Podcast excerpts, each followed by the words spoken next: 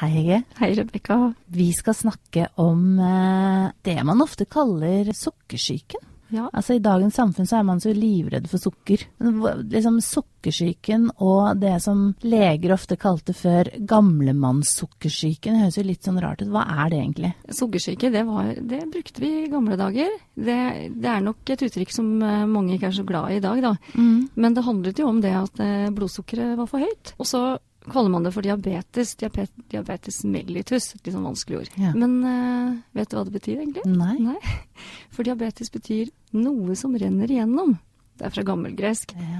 Og det betegner egentlig det at eh, når man har høyt blodsukker, så tisser man mye. Og mellitus betyr ja, for det er en av symptomene. Hvis man tisser mye, så, så kan du ha Det- diabetes. Ja, det er sy- symptom på høyt blodsukker, så det kan man jo si er et eh, symptom på diabetes hvis man ikke har eh, fått diagnosen. Og så er det jo sånn at diabetikere da kan jo også ha for høyt blodsukker. Og da er det, jeg, når vi snakker om eh, å tisse og sånn, da er faktisk det tisset fullt av sukker. Fordi nå fikk jeg Ja. plutselig assosiasjoner når jeg var student, og det var vel i en sånn biologi eller fysiologi eller noe sånt, at man oppdaget sukkersyken fordi man så at den som, som, som tisset, jeg tror faktisk det var en hund, ja, så fikk man masse fluer fordi det var så mye sukker der. Kan det Ja, stemme? ja. Var det noe sånt? Og det er egentlig en, eh, en sånn fin mekanisme som kroppen har, at den, når det blir for mye sukker i blodet, så skiller nyrene ut sukker. Mm. Fordi at det rett og slett er farlig for kroppen da, å ha mye sukker i blodet. Mm. Og honningsøt, mellitus, eh, det er fordi at eh, urinen da er full av sukker, og i gamle dager så smakte legene på urinen. Det var den måten Ja, for det de var, kunne det var sånn vi forskerne på. var før. Da, ja, da ja, smakte man og testet ut ting på seg selv. Og... Men dette med blodsukker, altså jeg underviser jo medisinstudenter på en høyskole. Eh, og vi skal jo ikke ha så mye blodsukker i blodbanen, for da, da går det gærent. Men hva er det vi har som gjør at vi vanligvis balanserer dette? Hva som balanserer blodsukkeret? Mm. Ja, hvis du ikke har diabetes, så er det en helt automatisk eh, balanse som skjer i kroppen. Det er mange hormoner da, som, eh, som gjør at blodsukkeret holder seg stabilt. Mhm. Og kroppen vil gjerne at blodsukkeret skal være rundt sånn fem, eh, i hvert fall når vi ikke har spist. Men Og Det er sånn måling. Når Ja, du er sier sånn fem, så er det sånn måling. Sånn Så man ser gjør- sånn Ja. så blodprøve. Ja, så de som har diabetes, de kjenner jo godt til eh, sånne målinger og tall. Mhm. Eh, Men det kan jo hende at mange har tatt eh, prøver på blodsukkeret sitt eh, rutinemessig hos legen og også For er det, en, har et forhold er det en, en vanlig sjekk hos legen, eller må du spørre om det? Ehm, ja, det kan du si. Mm. Det er nok sånn at eh, noen ganger så har det kanskje eh, ikke blitt tatt prøve som burde vært tatt, For jeg kanskje. tror, ikke, jeg, jeg tror ikke når jeg sitter her og tenker, jeg tror kanskje ikke jeg har tatt Fordi hva er det man sier for noe? Sier man jeg vil ta en insulinsjekk, eller sier man at man vil ta en blodsukkersjekk? Hva er det man egentlig sier til legen? At du vil sjekke blodsukkeret. Blodsukkeret. Mm. Og da er det, en kan jo ta en sånn fastende blodsukker. Eh, det betyr jo før man har spist. Mm. Og det er nok uh, ganske vanlig at man tar på hvert fall godt voksne mennesker. Mm. Uh, det er noe som heter langtidsprøve, HbA1c. Litt vanskelig ord, men det betyr egentlig langtidsprøve. Og den viser litt hva blodsukkeret har vært sånn over tid, kanskje en åtte til tolv ukers tid. En slags gjennomsnitt, da. Og det er den vanligste måten å uh, sjekke blodsukkeret på i våre dager, da. Å få diagnose etter. Det er det som heter langtidsblodsukker. Men for vanlige folk flest, liksom, hvis du går til legen, eller hvis man går til deg, fordi du har jo også pasienter og er diabeteseksperten her, så er det sånn at man avgir egentlig en blodprøve, og så, og så ved gjennom etablerte analyser så får man vite om man er i faresonen eller ikke. Ja. Fordi dette blodsukkeret, for å komme tilbake til det eh, Hvis jeg husker eh, Altså jeg husker jo riktig fordi jeg nettopp undervist mine medisinsentre, så er det jo det at når, når vi får for mye blodsukker, så, så lager bukspyttkjertelen insulin, Mm. som er et hormon, som rett og slett skal hjelpe kroppen, eller cellene faktisk, til å ta opp sukkeret, sånn at det blir lagret som, som eh, gluk glukagen. Nei, glukago, jo, glukagen. Blander alltid glukagen og glukakon. er vanskelige Ja. ord. Så i en vanlig kropp som ikke har diabetes, så skjer den balansen. Da har vi kall det et slags balansesystem eller reparasjonssystem hvis vi får for mye blodsukker. Mm. Og så har du diabetes 1, hvor, hvor du rett og slett ikke lager insulin. Altså klarer ikke å gjøre det. Da, da må man få denne sprøyten som vi ofte forbinder med folk som har diabetes. Men så har vi jo denne voksne gruppen som, som eh, vi er veldig opptatt av. Faktisk så mange som 1000 nye nordmenn i måneden, altså 12 000 i året, som får diabetes, og særlig da veldig ofte diabetes 2. Fortell litt hva som skjer egentlig når du får diabetes 2? Ja, og det er hvorfor vi kanskje er opptatt av den gruppen, er for at de er så mange. Mm. Det er eh, 350 000 ca., eh, og like mange som har det, som ikke vet om det. Mm. Mens eh, type 1 diabetik diabetikere, så har vi ca. 128 000 i Norge. Bare sånn for å sette litt tall på det. Men diabetes 2, som man kalte, var det man kalte for gammel gammelmannsdiabetesen. Ja, for da tenker du litt sånn en gammel, litt overvektig mann som er litt satt, Mm. ferdig med midtlivskrisen. Men nå er det unge, unge mennesker som også får det? Ja, det er det. Eh, men det er jo, dette rammer jo mest voksne. Men uh, nå er det sånn at Og da eh, snakker vi 40 pluss? Ja, 40 pluss. Ja, for 40 er jo de nye 30-årene, da. Ja. Så vi, Eh, vi som er 47 og 48, for det er vi, for du hadde nettopp bursdag, ja. så vi føler oss jo som om vi er i 30-årene på en ja, måte. Helt, helt klart. Ja. Så sånn sett så burde man kalt det liksom ung, ungmannssyken nå, Ja, eller men det er, det er nok de som eh, At det er flere over 50 og 60 enn en de 40-åringene nå. Ja. Men, men det, er, eh, det er faktisk eh, helt ned i 20-årene og yngre enn det også som mm. får en diabetes type 2 i våre dager. Mm. Så, så det er yngre og yngre.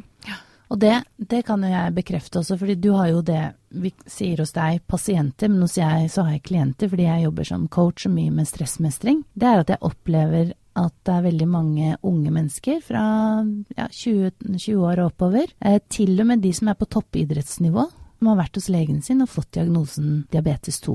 Og håper si, det at det da er så stor økning at vi snakker 1000 i måneden fordi tenk deg når vi har Altså jeg selv er en håper si, kreftoverlever, rosa sløyfe-søster, og det lager vi store kampanjer for hvert år i oktober. Og da er det ca. 3300 kvinner som får brystkreft. Men her snakker vi faktisk om 1000 nye håper si, pasienter i måneden. Det er, jo, det er jo egentlig helt insane. Ja, det er høyt tall. Ja, og jeg merker når jeg snakker med mine venninner og venner, så er det nesten ingen som har fått det med seg. Nei, det er litt rart, for når det er så høyt tall, så må det jo være flere du kjenner. Og om ikke du har det selv, men i hvert fall noen i familien eller venner. Og eh, jeg har eh, en eh, mor, en mormor og en tvillingbror med diabetes 2. Ja. Så Og ser de og ut det- som deg? Fordi de som ikke ser Hege, da, hun er en slank, vakker, blond kvinne som, som, som sitter her. Altså, har de litt samme kroppstype som deg, eller er de overvektige? De er ikke overvektige. Nei. Så her handler det jo mye om gener, og det mm. gjør det nok for den, mm. den du snakket litt om, da, i forhold til gruppen eh, med, med eh, idrettsfolk. Så det er sånn at hvis du har en mor eller far med mm. diabetes type 2, så har du 40% risiko for å få sykdommen fordi, sånn genetisk, da. ja. arv. Så arv spiller litt inn? Spiller jo ganske Mm. stor rolle, da. Men så er det jo livsstilen som litt avgjør da, om disse genene skal få lov å regjere, for å si det sånn. Og det er klart at jeg tar jo med hensyn til min livsstil fordi at jeg vet at, eh, at det er stor uh, sjanse for at jeg skulle utvikle det. Eh, men eh, men det, diabetes type 2, som jo ikke sånn i utgangspunktet er en sykdom der man mangler dette hormonet du snakket om, mm. insulin, men det er litt sånn at insulinet virker dårlig, eller cellene tar opp insulin dårlig. Så det er det som vi kan kalle for insulinresistens. Det er litt sånn typisk for type 2-diabetes. Selv om det også finnes noen som har en litt annen type diabetes, type 2, der de også kan mangle insulin, som type 1-erne. Der har jo jeg en liten historie. Altså, som den knalla realisten jeg er med åpen sinn, eh, og håper å si litt som underviser medisinstudenter, er at denne insulinresistensen Altså mitt felt er jo mye stress og stressmestring. Og det jeg prøver å forklare både medisinstudenten min, men også klientene som kommer, det er at stress, det er ikke så sunt for kroppen vår hvis vi ikke på en måte får demobilisert det. Altså hvis vi ikke på en måte er gode på å få ut kortisol, som er på en måte stresshormonet, så kan det også være en måte å, rett og slett etter hvert få insulinresistens. Fordi når vi stresser mye, altså langvarig stress, enten det skyldes eh, at vi trener for hardt, eller at vi har senskader, sånn som jeg også lever med, eller for eksempel den typiske negative tankeskravlingen. Sånn at hjernen din hele tiden tror at du lever under konstant stress, og vi ikke på en måte får, får fjernet det. Og det som da skjer, er jo at kroppen tror at du skal i kamp, eller løpe for livet for en fare. ikke sant? Dette er den gamle stressresponsen. Og så øker det blodsukkeret, fordi det er på en måte fornuftig? At, at, at det frigis. Men så kommer først insulinet og gjør jobben sin og skal få det liksom balansert igjen. Men når vi da fortsetter å stresse og stresse og stresse, for stress avler jo bare stress, så til slutt så merker kroppen at det skjer jo ikke noe, og da får du på en måte Altså insulin mister effekten.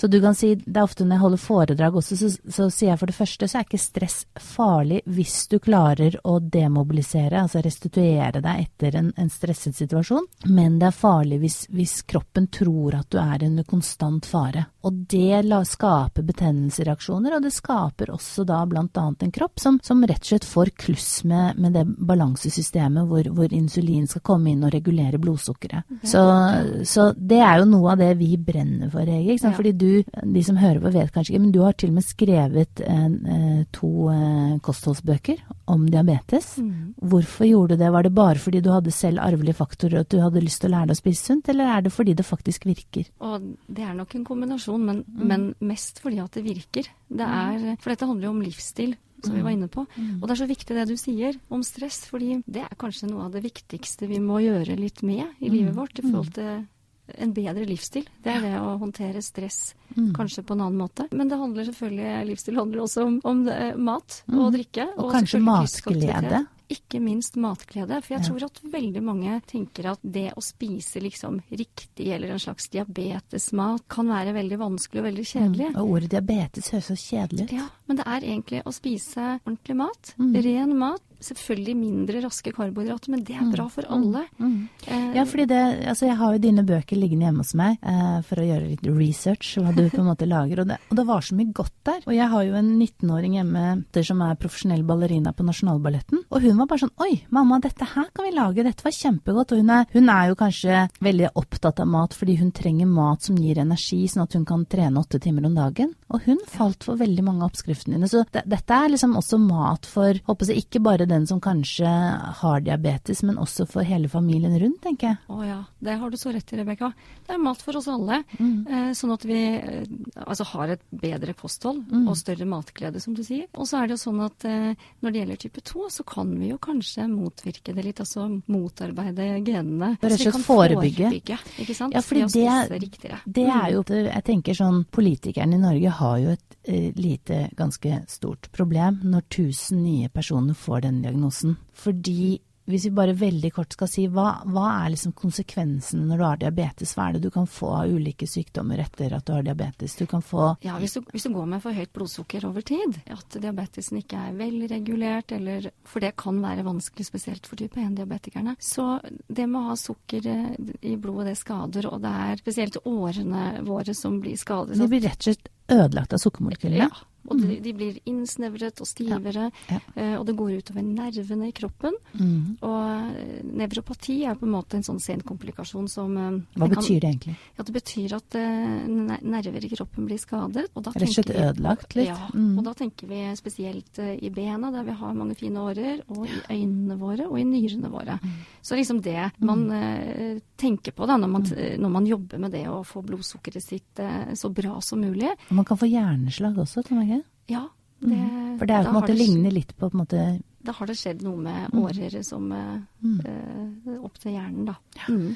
Og jeg husker sånn for noen måneder siden så kom det, kom det ganske sånn uh, alvorlig tall i forhold til dette at det var 1000 nye nordmenn som kom at 50-60% av de akutte hjerteinfarktene på norske sykehus skyldes diabetes 2, eller at folk har diabetes 2 uten å vite det? Ja, det skyldes uh, litt for høyt blodsukker. Mm. At denne mm. langtidsprøva kanskje ikke altså kanskje var rundt seks. Mm. Eh, og det er jo da før du egentlig har fått diagnosen diabetes, som er 6,5. Mm. Så det viser seg jo at det å ha høyt blodsukker skader eh, så tidlig, da, kanskje mm. før noen har fått den diagnosen også. Kanskje vi burde istedenfor å kalle det diabetes, som, som, som når jeg har sagt at vi skal lage podkast om diabetes, og alle bare sånn å, De syns det er et veldig sånn usexy ord, på en måte, og bare Å ja, men det er ikke noe som gjelder for meg. Men hvis vi hadde kalt det liksom Har du blodsukkersyken? Eller har du, blods, har du for høyt blodsukker istedenfor bare for høyt blodtrykk? Mm. Da tror jeg vi hadde fått flere til å bli litt interessert i dette, Hege. Tror du ikke? Jo, for det med å ha et eh, bra blodsukker, det er så viktig for oss mm. alle. Også mm. før vi har fått diagnosen. Eh, så vi burde leve og spise mm. eh, på en måte som gjør at blodsukkeret er mer stabilt. Mm. Og da må vi ha det Ja, vi må ha litt glede i livet, det vet vi også er kjempeviktig for å ha et bra blodsukker. Ja, fordi det, da kommer det stresset tilbake, Ja, ikke sant. ja, det- jeg tenker litt den der matgleden, spise sunn mat fra sånne oppskrifter som du er ekspert på, til å sitte rundt og faktisk kanskje la mobiltelefonene ligge, sitte og prate, liksom ha det hyggelig, liksom at, at man samles rundt og man prater om både små og store ting. Eh, det er rett og slett forebyggende mot diabetes Ja. eller for høyt blodsukker. Det er det. Det er studier som har vist at hvis du har eh, dårlige relasjoner rundt deg, Mm. så du faktisk, eh, har du høyere risiko for å få diabetes. Ja. Så det å være sammen med de du er glad i, altså ha eh, møter rundt bordet hver dag, det er kjempeviktig. Altså faktisk sånn, altså Jeg kommer jo alltid med mine forskningsvinklinger på ting, men det er jo faktisk ganske mange studier som viser at hvis du ikke har et godt nettverk rundt deg, da, med venner og familie og sånne ting, så er det faktisk nå rangert som enda farligere enn å røyke. Ja, Ikke det sant? tror jeg på. Så det Ja. sier ganske mye. Men jeg tenker litt når vi snakker om dette, jeg, jeg sitter og kjenner at jeg syns det er på en måte hyggeligere å snakke om, eller mer interessant å snakke om blodsukkersyken enn enn diabetes på en måte, rett og slett bare ordene, liksom. Så jeg tenker kanskje vi skal bruke det oftere.